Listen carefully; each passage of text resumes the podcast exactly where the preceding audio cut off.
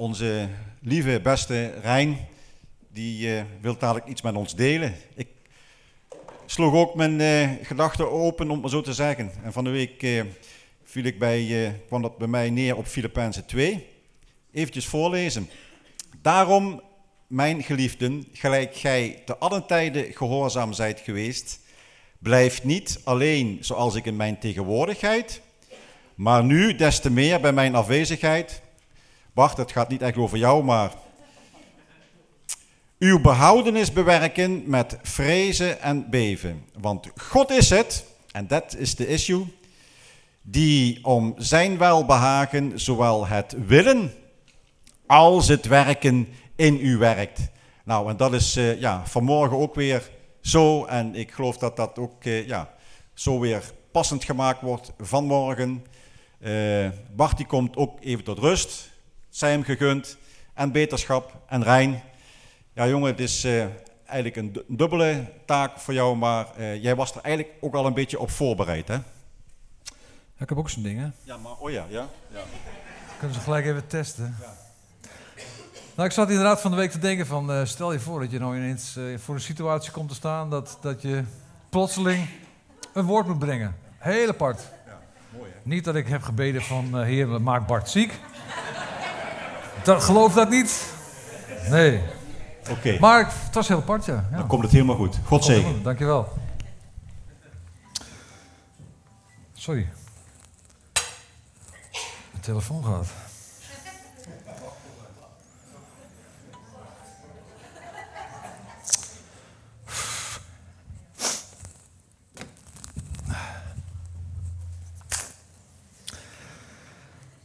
Wie lof offert, die eert mij en baant de weg dat ik hem Gods heil doe zien. Een hele bekende tekst daar. Hè? Wie van u kent deze tekst zo? Eigenlijk is het een tekst die je zo uh, moet kunnen oproepen. Psalm 50, vers 23, het laatste, de laatste tekst uit uh, Psalm 50. Een hele bijzondere uh, psalm. Eh, ja, die, er eigenlijk, die het verschil laat zien tussen um, iemand die denkt dat hij God kan behagen door het brengen van, of het houden van regels, het brengen van bepaalde offers. Of iemand die het hart van God wil kennen en van daaruit God wil loven en prijzen. En hoe belangrijk is dat om God te kennen? Ik heb vorige keer al eens een keer iets over gezegd, maar ik wil even meenemen naar toen ik een, eh, een jongen was van een jaar of 12, denk ik, 13. Ik, was, ik zat vroeg op de scouting. Jullie hebben, of jullie, wij hebben hier natuurlijk ook een uh, fantastische uh, ja, padvindersploeg, hoe moet je dat zeggen? Hè? De Royal Rangers. Nou, ik zat toen in Leeuwarden, in Friesland, zat ik ook bij de, de, de padvinderij, de Burmania. En ik was welp geweest. Dat zijn die kleine mannetjes met die kleine groene petjes. En ik was 12 jaar geworden en ik was overgegaan naar de verkenners. Dan krijg je in één keer zo'n hoed en zo'n korte broek. En van die flappen eraan, verschrikkelijk. Ik vond het heel erg. Maar goed, op zich was het leuk. Het was een christelijke padvinderijgroep. En um, we waren opgedeeld in uh, patrouilles, heette dat. Wij waren dan de pluvieren, als ik het goed heb. Nou, wij, wij kwamen dan één keer in de zoveel tijd bij elkaar. En op een gegeven moment kwamen we op een avond bij iemand thuis op de zolderkamer. En die zei van, uh, het is heel goed om ook te werken aan onze christelijke identiteit. Dus laten we met elkaar een bidstond houden. Ik sloeg rood uit.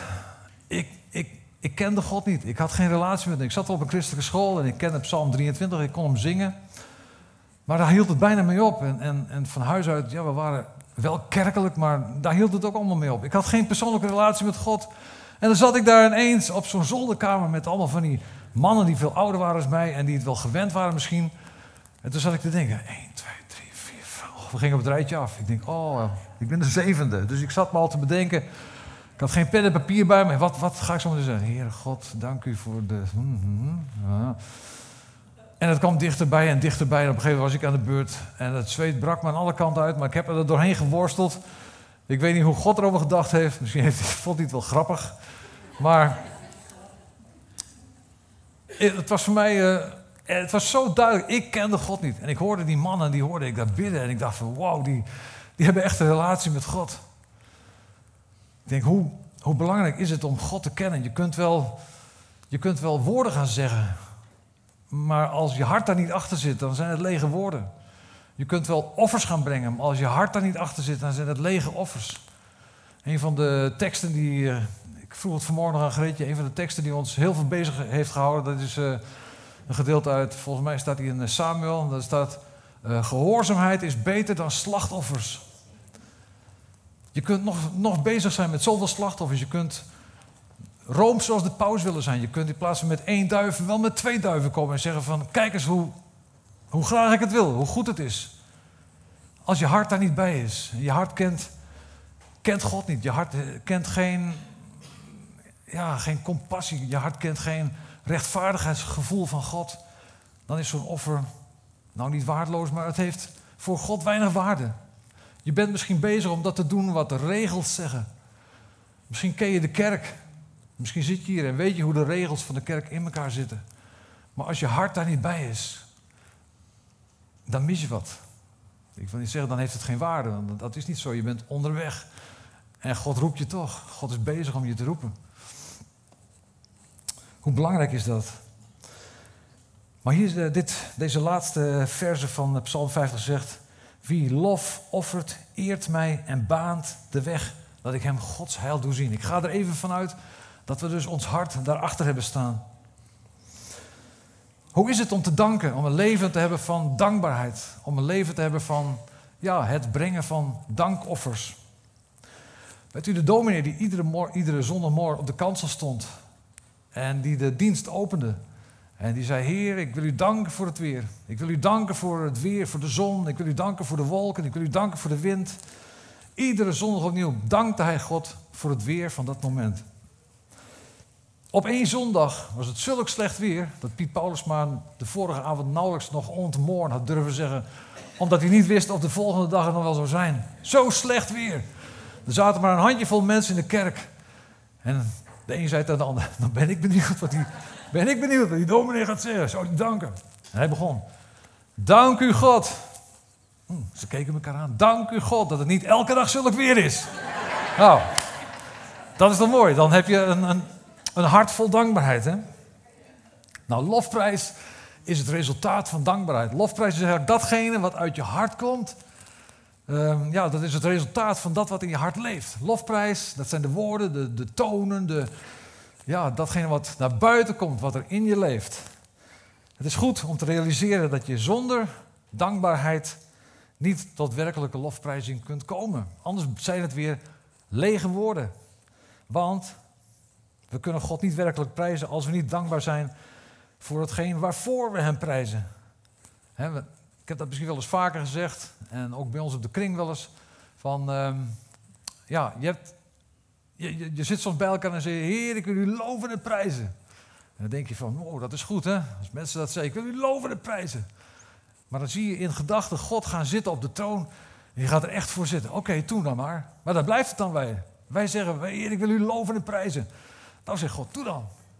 Gaan we dan loven en prijzen voor, voor wat? Voor wie ik ben. Voor, hè, God verlangt ernaar dat we, dat we zijn naam noemen. Dat we zijn, hem roemen. Dat we hem uh, vereren. Dat we, dat we zijn, zijn grootheid, zijn kracht.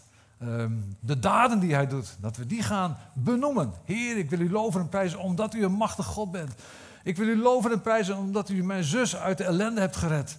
Ik wil u loven en prijzen, Heer, dat u iedere dag met ons meegaat. Voor ons zorgt. Zo. Dankbaarheid, dan komt de lofprijs. Dankbaarheid zit in je hart en dat, dat baant zich een weg naar buiten toe en dat geeft woorden in je mond. En laat God het maar horen en laat anderen het ook maar horen. Een andere voorwaarde, we kunnen God niet loven en prijzen als we Hem niet kennen. Ik heb dat net verteld op de padvinderij. Ik zat daar en het zweet brak me uit. En ik wist het was gestamel en het waren woorden. En, maar ik meende ze eigenlijk niet. Ik meende ze eigenlijk niet. Ik heb heel lang geloofd dat God wel bestond. Tot aan mijn bekering. Ik wist God bestaat, dat wist ik, maar ik wilde niks met hem te maken hebben. Ik had daar een bepaald idee over. Dus toen ik die avond daar ook zat, het was huigelachtig. Maar ja, nu ken ik God.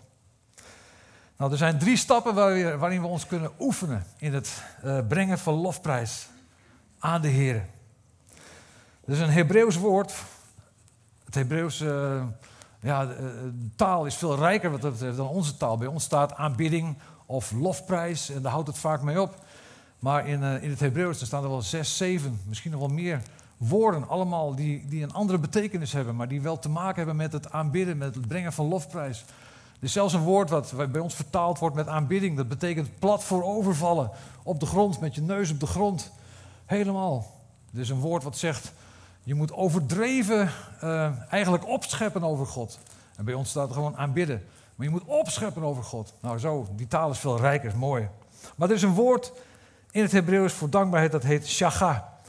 En het betekent dat er feest gevierd wordt. En dat de naam van degene om wie het gaat uh, rondverteld wordt. Daar waar, waar, we dankbaar voor zijn. Ik zal anderen zeggen, betekent het eigenlijk wie u bent, hoe uw naam is. Want uw naam bent u zelf. Ik zal anderen vertellen hoe uw naam is. En dan moet ik denken aan, uh, aan een broeder van me, die kwam met een cadeautje. Een keer op me. Uh, hij, was jarig, ik kwam met een cadeautje. En hij maakte het heel duidelijk. Hij pakte het, niet, hij pakte het cadeautje niet uit. Hij zei: Oh, wat een mooi cadeau, je hebt aan mij gedacht. En dan ging de kring rond en hij zei: Kijk eens, heb ik van Rijn gekregen. Ja, ik heb dat cadeautje van Rijn gekregen. Ja, nou en, jij bent jarig, jij moet het uitpakken. Nee, hij, hij vond het geweldig om degene die, uh, die, ja, die, die eigenlijk het cadeau gaf, om die te eren. En uh, ik zal anderen zeggen hoe uw naam is. Ik denk, oh, zo, dat, dat idee, dat is ook dat is eigenlijk geweldig. He, um, om anderen te zeggen uh, hoe groot en hoe wonderbaar hij is. Uh, het noemen van wie God is in ons leven. Ja, dat doen we natuurlijk altijd al in onze samenkomsten. Door onze liederen, onze uh, getuigenissen, onze gebeden.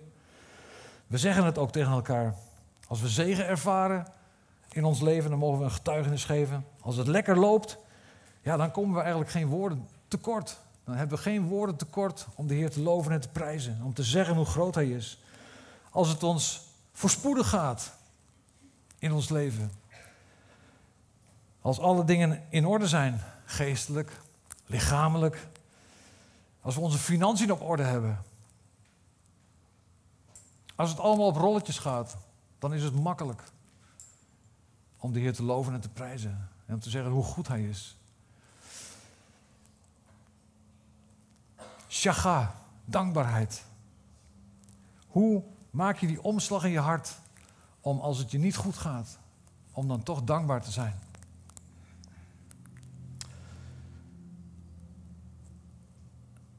Jezus zegt ergens, als mensen vriendelijk zijn voor je, dan is het niet moeilijk om ook vriendelijk terug te zijn. Als mensen moeilijk tegen je doen of raar over je praten, dan is het veel moeilijker om dankbaar te zijn voor de mensen met wie je omgaat. De mensen met wie je werkt bijvoorbeeld. Als God vriendelijk voor ons is, dan is het niet moeilijk om vriendelijk terug te zijn. Maar als we ervaren dat, dat er momenten zijn dat, dat, dat, dat, of dat wij voelen dat God er niet is, ja, hoe moeilijk is het dan? Dan moet je echt ergens doorheen worstelen. Maar het woord staat er ook, wie lof offert. Dat is, dat is misschien wel het sleutelwoord. Het offeren van lof. Een offer dat kost je altijd wat. Ik wil niet zeggen dat als het ons allemaal goed gaat en wij brengen onze aanbidding en onze lofprijs voor Hem, dat dat dan niet waarachtig is. Natuurlijk, dat, komt uit je hart. Het gaat ons op dit moment ook fijn en goed. En ach, er zijn wel eens dingetjes, maar over het algemeen dan, dan hebben we het goed. En, en als ik hier dan sta te spelen, te zingen, dan meen ik dat. Dan, dan, dan is mijn lofprijs ook voor de Heer. Maar als het moeilijk is, dan moet ik ook soms ergens doorheen bijten. Er zijn ook momenten dat ik wel denk van, oh. Ik ben geen heilig boontje wat dat betreft. Ik heb ook wel eens met mijn vuist op tafel geslagen. Dat is al lang geleden moet ik zeggen, maar tegen God. Dat zeg, en nou is het afgelopen. Ik, het gaat niet langer zo. Dat betekent wel, achteraf dan denk je van, ja ja, tegen God, weet je. Dat is, ja, aan de andere kant, dat betekent wel dat je een relatie met God hebt. Ik wil niet zeggen, word nou eens boos op God, dat zeg ik niet. Maar het kan een keer zo zijn. En, en, en ja, er zijn mensen die zeggen, dat mag niet. Ja, het, het, betekende wel dat ik een relatie heb met God. Ik praatte, ik, ik sprak met hem. Ik, sprak, ik, ik, ja. We hadden contact. Voorspoed, zegen, makkelijk. Maar de Bijbel laat ons ook een andere kant zien. De Bijbel is een eerlijk boek. De Bijbel zegt ons precies hoe het in ons leven gaat. Ik heb het wel eens vaker gezegd, als, als ik de Bijbel zou moeten schrijven, dan zou er bij mij niks in komen te staan van een Batseba. En van een, David die, eh, die naar Batseba keek. Ik zou er zeker 3500 oorlogen uithalen, waarin iedereen afgeslacht moest worden. Er mocht niemand blijven bestaan. Niemand.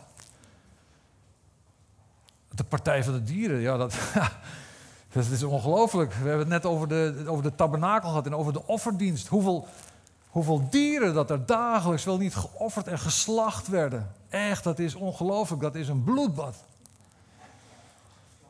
Ik zou het allemaal uitlaten. Ik zou een Bijbel maken waar iedereen blij mee zou zijn. Wow, wat is God goed. Ja. Maar God heeft gezegd: nee, ik laat je precies zien wie jij bent en ik laat zien wie ik ben. Ja, maar is dat realiteit? Dankbaarheid. Shacha, dankbaarheid. Laat dat wat in je hart is eruit komen naar God toe. En het kan inderdaad dankbaarheid zijn. Maar het kunnen ook momenten zijn van, ja, van moeilijke dingen. Zeg het tegen God en wees eerlijk. Zoals Rachel het ook tegen God heeft gezegd. Ik, kan er niet, ik kan er niet meer, ik kan er niet doorheen komen. En God gaf uitkomst. En dan staat ze hier en dan verheugen we ons met elkaar erover. Mooi toch? Nou, stap 2. We ervaren niet elke dag overwinning. En ik hoef niet te vragen van wie wel, want uh, ja, we kennen elkaar wel. Het gaat niet altijd goed in onze lichamen. En er is niet altijd voorspoed. Dus moeten we dan onze lofprijs toch maar even inhouden voor de Heer. Want dan kunnen we toch niet dankbaar zijn, dan is ons hart toch niet waarachtig bij die lofprijs. Maar zo gezegd, Psalm 50 heeft het over het offeren van lof. En offers brengen.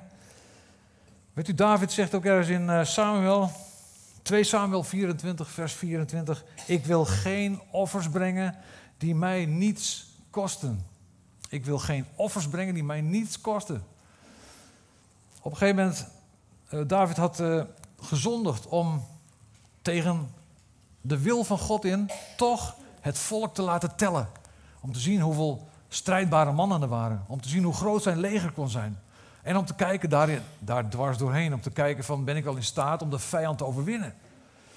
Dus daarmee uh, ja, hakte hij eigenlijk een stuk van het vertrouwen naar God toe af.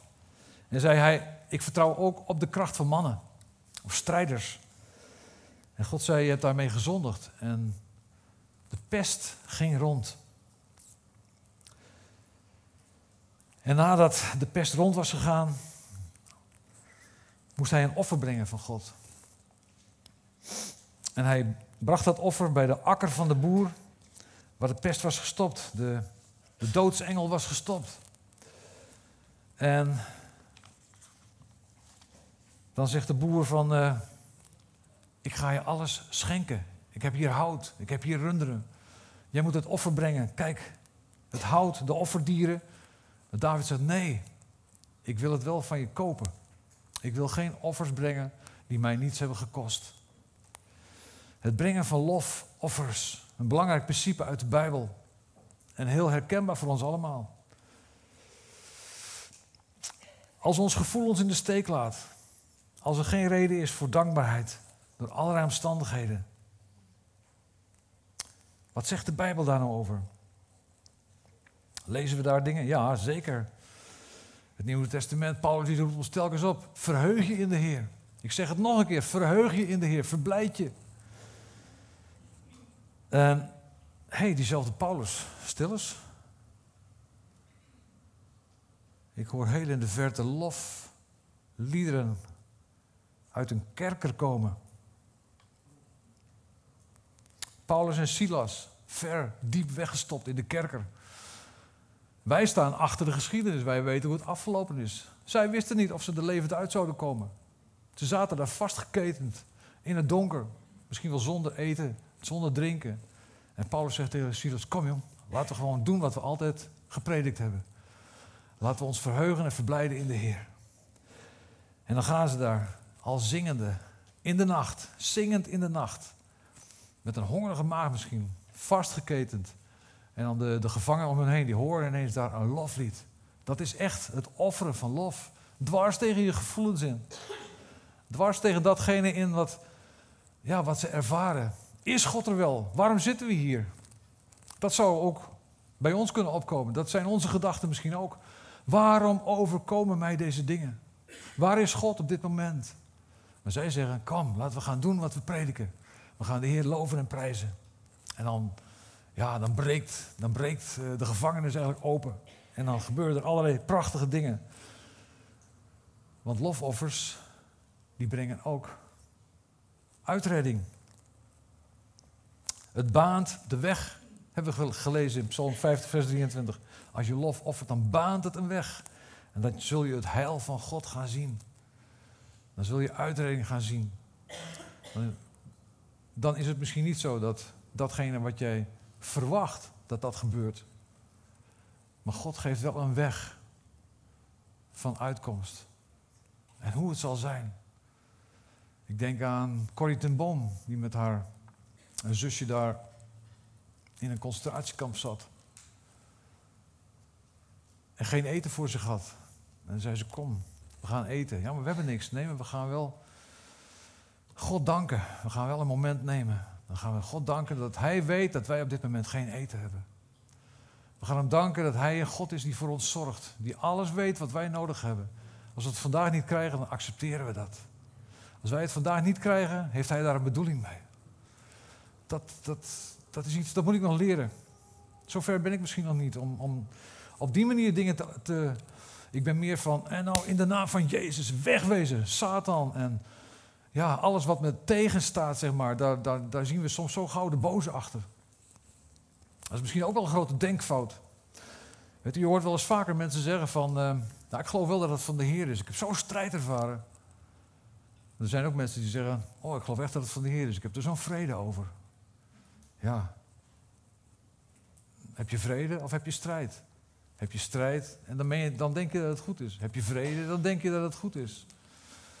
Soms zo moeilijk. Daarom is het zo belangrijk dat je een, een goede relatie hebt met God. Dat je van diep van binnen overtuigd bent. Datgene wat, ja, wat je wilt doen, wat je gaat doen, dat dat van de Heer is. Ons gevoel gaat zo vaak op de loop met ons. Maar daarom, Corrie de Boom die hield zich vast aan de belofte van God. Hij zorgt voor ons en hij kent ons in deze situatie. Hij weet dat wij hier zitten. En als wij vandaag geen eten hebben, misschien is er morgen eten. Misschien is er overmorgen eten. Hij kent ons. Hij zorgt voor ons. Hij is onze hemelse vader. Ja, daar konden ze het dan mee doen. Maar er was wel dankbaarheid in hun hart. Ze heeft het altijd vastgehouden. Ach, u weet hoe zij rondgegaan is over de wereld. En, en zij heeft die dingen zelf ervaren. Die moeite, die strijd. Om te komen tot dankbaarheid. Ze had dan vaak dat, dat, dat borduurlapje mee. En dan zag je zo die achterkant. Allemaal draden en dingen. Ze zei, ja, dit is eigenlijk de hemel. En die onderkant, dat is wat wij zien. Allemaal knoopjes, draden, aan elkaar gemaakt. Een rommeltje was het aan die kant. Ze zei, God ziet de andere kant. En de andere kant, dat was een prachtig geborduurde eh, schilderij met, een, met het geslachte lam of, het, of de opgestane heer, wat het er ook maar was. Wij kijken vaak tegen de onderkant aan. Wij weten niet wat God aan het doen is. Daarom is het voor ons soms zo moeilijk om te komen tot die lofprijs. Leren om dankbaar te zijn. Leren om te vertrouwen op het woord van God. Leren dat Hij onze hemelse Vader is die voor ons zorgt. Reukwerk. Dankbaarheid. Misschien heeft Paulus in de gevangenis tegen Silas gezegd: hey, Weet je nog, Leviticus 16. Als het reukwerk wordt gebracht op het vuur, dan staat er zo dat de wolk van het reukwerk het verzoendeksel met die twee gerubs eroverheen bedekt. Dan staat er in vers 13, daar verschijnt God in de wolk boven het verzoendeksel. Dus als er reukwerk wordt gebracht, verschijnt God in die wolk van reukwerk boven het verzoendeksel. Hij zegt dus als wij onze reukwerk, onze aanbidding, onze gebeden gaan brengen voor de Heer, dan verschijnt Hij daar. Dan komt Hij, dan zet Hij de hemel in beweging. Ken je die tekst nog, Silas? Hij wil verschijnen, Hij wil zich openbaren, Hij wil zijn vrede aan ons geven. Ken je die tekst nog? Zeker Paulus. Zeker Paulus. Ik zat juist te denken, zegt Silas tegen Paulus, aan dat gedeelte van koning Jozefat. Die de zangers voor de strijders zette. Koning Jozefat die ook de strijd moest ingaan. Die een oorlog te voeren had. En God had gevraagd, hoe moet het? Heer, leid ons en help ons. Wees onze uitredder. En dan ervaart hij in zijn hart dat hij de, niet de strijders voorop en dan de zangers erachteraan. Nee, eerst de zangers voorop. En Naomi, waar ben je? Oh, wat zie, zie jij het zitten? De zangers voorop. Ja? Alright. That's my girl. ja. ja. Het zal, het zal je maar gebeuren, hè? Ja. Maar u weet wat, uh, wat, uh, wat het resultaat is daar bij koning Jozefat. Op het moment dat de zangers hun lofprijs aanhieven, uh, gaf God overwinning over de vijand. En er werd geen slag geslagen. De vijand die, die sloeg zichzelf bijna in de pan. Ja, dat is het voorbeeld van koning Jozefat. Lofprijs, wat lofprijs doet in mensenlevens. Aanbidding.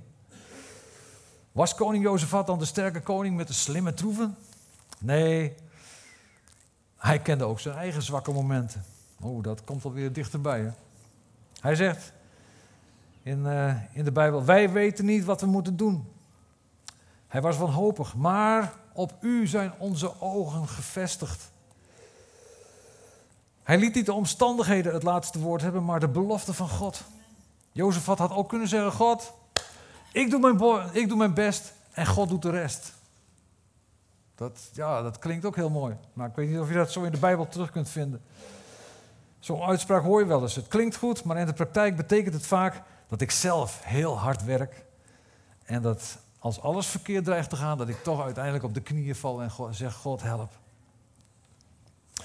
Het aanbidden van God, het uitspreken van onze dank aan Hem, dat is een van de doelen van ons leven. We hebben hier al die doeken gehad, hè, jaren terug, vijf, vijf doelen, die vijf doeken die er allemaal hingen. Gods gemeente is geroepen om te aanbidden. Gods gemeente is geroepen om te evangeliseren, om de kerk groter te maken, om mensen binnen te brengen. Allemaal van die doeken. Maar Gods gemeente is geroepen, u bent geroepen om God aanbidden. En eigenlijk zegt de Hebreeuwse vertaling om God plezier te geven. Dat is eigenlijk aanbidding, dat is lofprijs. Om God plezier te geven. Nou, daar kunnen we het mee doen. God plezier geven. Ja, soms dan zijn we, hè? Ja. Tegelijkertijd dan zet onze lofprijs de geestelijke wereld in beweging. Die is er ook nog. En als er iets is waar de vijand van God, de boze, Satan, een hekel aan heeft, dan is het als zijn gemeente God werkelijk gaat loven en prijzen. Dan zet, want onze aanbidding zet de hemel in beweging, dan gebeurt er iets. Maar ook in de geestelijke wereld. Satan was erop uit om de aanbidding van God af te nemen. En om zichzelf te laten aanbidden als God. Daar verlangt hij nog altijd naar. Maar als, als de gemeente van Jezus Christus God gaat aanbidden, dan is er geen plaats voor die andere dingen. Maar dan komt wel de geestelijke wereld in beweging, want die willen dat niet. Die is er ook nog. Maar dan mogen we doorgaan. Dan mogen we ervaren dat, dat er ruimte komt, geestelijke ruimte tussen, tussen de plaats waar wij, waar wij zijn en tussen de hemel daar. En dwars door die geestelijke wereld heen, die, die, die, die plaats tussen de wereld en God, zeg maar. Daar is een opening. Een opening gecreëerd door gebed, door lofprijzing. Daar mag je werkelijk van op aan. Hier boven, dit gebouw, boven Schinnen, is er een plaats waar mensen zo naar God toe kunnen gaan. Daar, daar, daar, daar, heeft, eh, Satan uh, terrein verloren. Mensen komen hier tot bekering. Er is, een, er is ruimte tussen God en deze plaats. En dat is in vele, daar waar kerken bij elkaar komen, daar waar Jezus Christus wordt gepredikt, daar waar Jezus wordt verhoogd, is ruimte gemaakt in de geestelijke wereld. En daar kan Satan niet verkeren. Dan moet hij opzij, want hij heeft een hekel aan licht en hij heeft een hekel aan, aan, aan, uh, aan het verheerlijken van Jezus. Door de Heilige Geest. Dat is zo mooi. Die geest is aan ons gegeven. En wat zegt het, het woord van God? De geest verheerlijkt Jezus. Nou, de geest in ons verheerlijkt Jezus. En zo, zo is er ruimte in de hemelse gewesten. Het aanbidden van God. Oké. Even terug naar, ik ga zo afronden, even terug naar Psalm 50. Toen ik het vanmorgen nog even doorlas, toen zag ik ineens weer wat, wat mooie nieuwe dingen. En uh, God zegt eigenlijk in deze psalm van, wat ik zo straks ook al heel even aan, aangeroerd heb, um, waar gaat het om? Volg jij de regels? Breng jij offers omdat het nou één keer voorgeschreven is? Of is het het brengen van jouw lofoffer iets wat vanuit dankbaarheid voortkomt? En ook dat, die, die, dat woord, dat bleef ook hangen in mijn, in mijn gedachten. Uh, gehoorzaamheid is beter dan slachtoffers. Weet u, de Psalm 50, die zegt op verschillende plaatsen... Um, niet om uw offers berisp ik u. Uw brandoffers zijn toch bestendig voor mij. Ik neem uit uw huis geen stier, geen bokken uit uw kooien... Want mij behoort al het gedierte van het woud toe. En even daarvoor dan zegt hij, hoor nu mijn volk, ik wil u spreken. Israël, ik wil tegen u getuigen. God, uw God ben ik. Ik heb geen, geen behoefte aan die, aan die offers. Ik heb geen behoefte aan die brandoffers. Wat ik wil, dat is dat u uh, doet wat ik gezegd heb. En dan, als je dan het laatste gedeelte leest, Um, tot de godloze zegt God, vers 16. Wat hebt gij mijn inzettingen op te tellen? En neem mijn verbond in uw mond, hoewel gij de tucht uh, haat en mijn woorden achter u werpt. Indien gij een dief ziet, dan houdt gij het met hem. En overspelen is uw deel. Uw mond laat in boosheid gaan. Uw tong koppelt bedrog aan een. Gij zit en spreekt tegen uw broeder. Gij werpt smaad op de zoon van uw moeder. Maar hier gaat het over hele praktische dingen. Eigenlijk zegt God: ik heb niks, ik heb niks aan jouw offer. Ik heb niks aan je mooie woorden, zolang je niet, uh, niet doet wat ik hier heb gezegd. Je roddelt. Ja, God, maar ik maak niemand dood. je roddelt. Is het zo erg hier? Ja, dat zo erg is het. Je roddelt over anderen. Je praat slecht over anderen. En daarom kan ik niet naar je horen. Daarom kan ik je, je offer niet accepteren. Zo nauw ligt dat hier.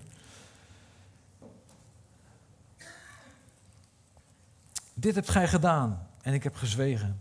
Gij beeldt u in dat ik geheel en al ben als gij. Je denkt dat je weet wie ik ben, zegt God. Je denkt dat jij weet wie ik ben. Maar je kent mij niet. Versta dit toch. Gij die God vergeet, opdat ik niet verscheur en zonder dat iemand red. Maar wie lof offert, die eert mij en baant de weg dat ik hem Gods heil doe zien.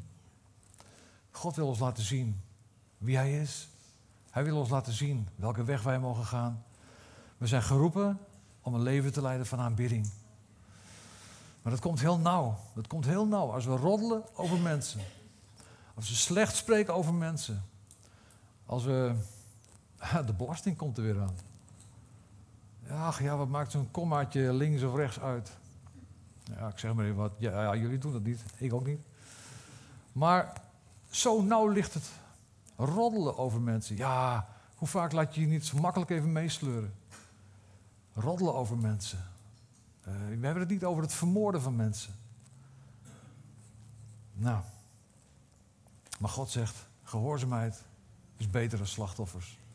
Als je gehoorzaamt, als je doet wat ik van je vraag, als je Jezus Christus wil vol. Als je een Jezus-volger bent en doet wat Hij van je vraagt, dan wijs ik je de weg. Dan baan ik je de weg. En dan zul je een leven leiden waarin je mijn overwinning zult zien. Dan zul je een leven leiden waarin alle dingen niet gaan zoals jij misschien zelf hebt gedacht. Maar dan zul je mijn zegen ervaren op jouw weg. Dat is wat God belooft. Hij zegt niet, ik leid jouw weg zoals jij dat in gedachten hebt. Hij zegt, ik ben bij je. Op die weg die ik voor jou heb weggelegd. En soms is die weg moeilijk. En we zullen dagen hebben dat het niet gaat.